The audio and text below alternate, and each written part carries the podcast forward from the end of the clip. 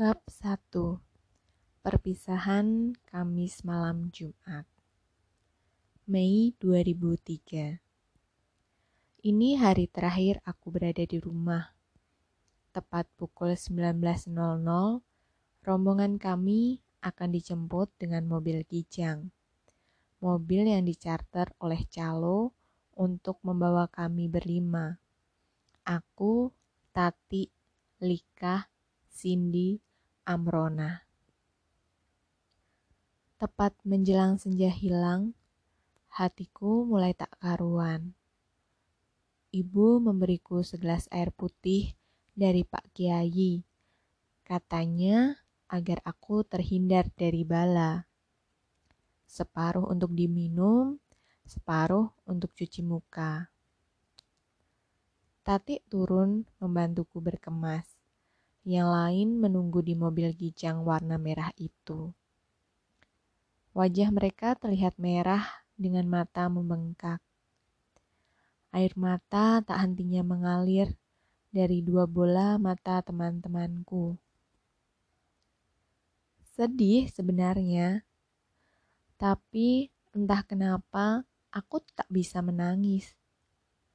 Ada sisi jiwa yang berkata, kalau perjalanan ini biasa saja. Layaknya aku tidak pernah benar-benar merasa pergi jauh.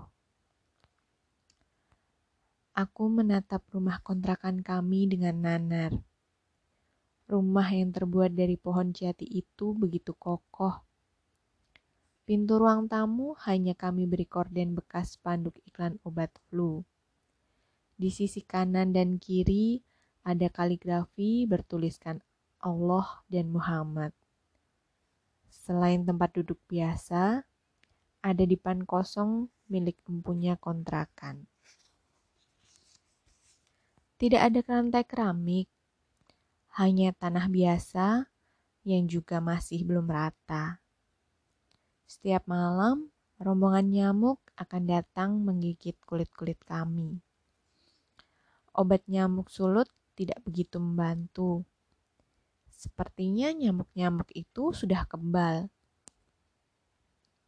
Di meja yang penyangganya tak lagi utuh, aku sering bermalam-malam sampai pukul 2 pagi menyalin tulisan dari buku.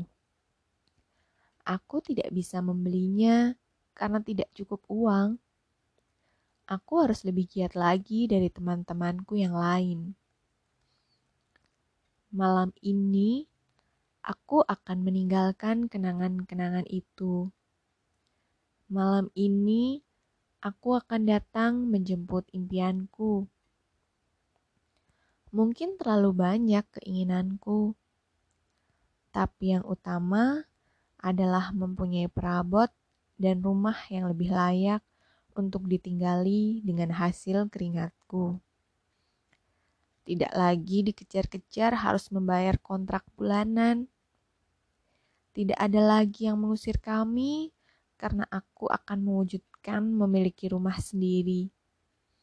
Kabulkanlah ya Rob. Ibu memelukku erat sekali. Matanya berkaca. Ia mengecup keningku sekali. Kakakku hanya berpesan, hati-hati di sana. Adikku yang masih kecil hanya bertanya, Mbak mau ke mana? Mbak mau kerja, cari uang buat kamu sekolah. Ku peluk dan ku cium pipinya. Aku akan sangat merindukan kalian, keluargaku. Bapak hanya tersenyum. Hati-hati, Mega hitam berkumpul menaungi rumahku. Ada usaha dan doa mengiringi kepergian kami. Aku mulai melambai. Tangis di dalam mobil mulai tumpah lagi dari teman-temanku. Aku masih bertahan tidak menangis. Kamu gak sedih? Tanya temanku. Saat itu kami belum kenal satu sama lain. Yang ku kenal hanya Cindy dan Tatik. Mereka teman SMA aku. Sedih sebenarnya, kataku singkat. Kok nggak nangis ya? Hebat banget, ujarnya. Kalau sedih, emang harus nangis ya? Tanyaku balik. Biasanya kan begitu. Ini pertama kali aku akan bekerja jauh. Ucapnya sendu, sesendu perasaan hatinya. Aku juga, tapi aku punya kalian. Aku berjuang gak sendirian kan? Jawabku demikian. Dia mengangguk membenarkan. Butuh waktu untuk menjadi terbiasa tanpa orang-orang tercinta. Sejak saat itu, kami berlima berikrar akan jadi saudara selamanya. Usaha yang dibarengi doa adalah rahasia ampuh dalam mewujudkan impian. Langit dan bumi seperti bersenyawa mendukung kami merajut impian, memberi ruang menyambut tantangan Mobil kijang terus melaju bersama bus malam dan motor yang berseliweran. Aku menatap dari balik kaca mobil sebelah kiri. Menatap sebuah rumah di emperan dekat kali, rumah yang tergabung dengan toko. Bukan rumah yang besar, rumah yang selama enam tahun belakangan sering kulewati Bahkan pernah kusinggahi dan duduk di ruang tamunya. Rumah tempat cinta disemayamkan. Doakan aku cinta, semoga kelak masih ada takdir yang menuntun kita untuk bersua.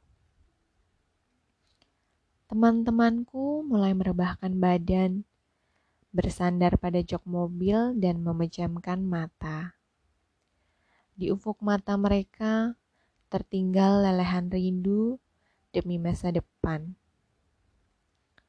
Kepergian bisa berarti pula tak pernah kembali. Kedatangan ke suatu tempat bisa dipastikan akan berakhir lagi dengan kepergian.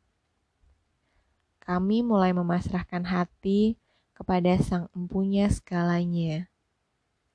Kepada dia, nasib kami letakkan. Semoga sisa tangis sisa-sisa tangis kelak akan menjadi kebahagiaan yang mampu membayar kesedihan. Jika cinta Cinta tak harus bersama.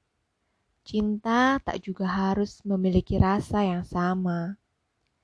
Cinta bisa bertolak, juga bisa bertepuk sebelah tangan. Tapi aku yakin, jika cinta tulus adanya, ia akan tinggal. Tak peduli kita jelek atau buruk rupa. Tak peduli kita pernah melukai pun mengkhianati. Jika cinta, ia akan rela menerima. Jika cinta semenyakitkan luka, ia akan menyetia.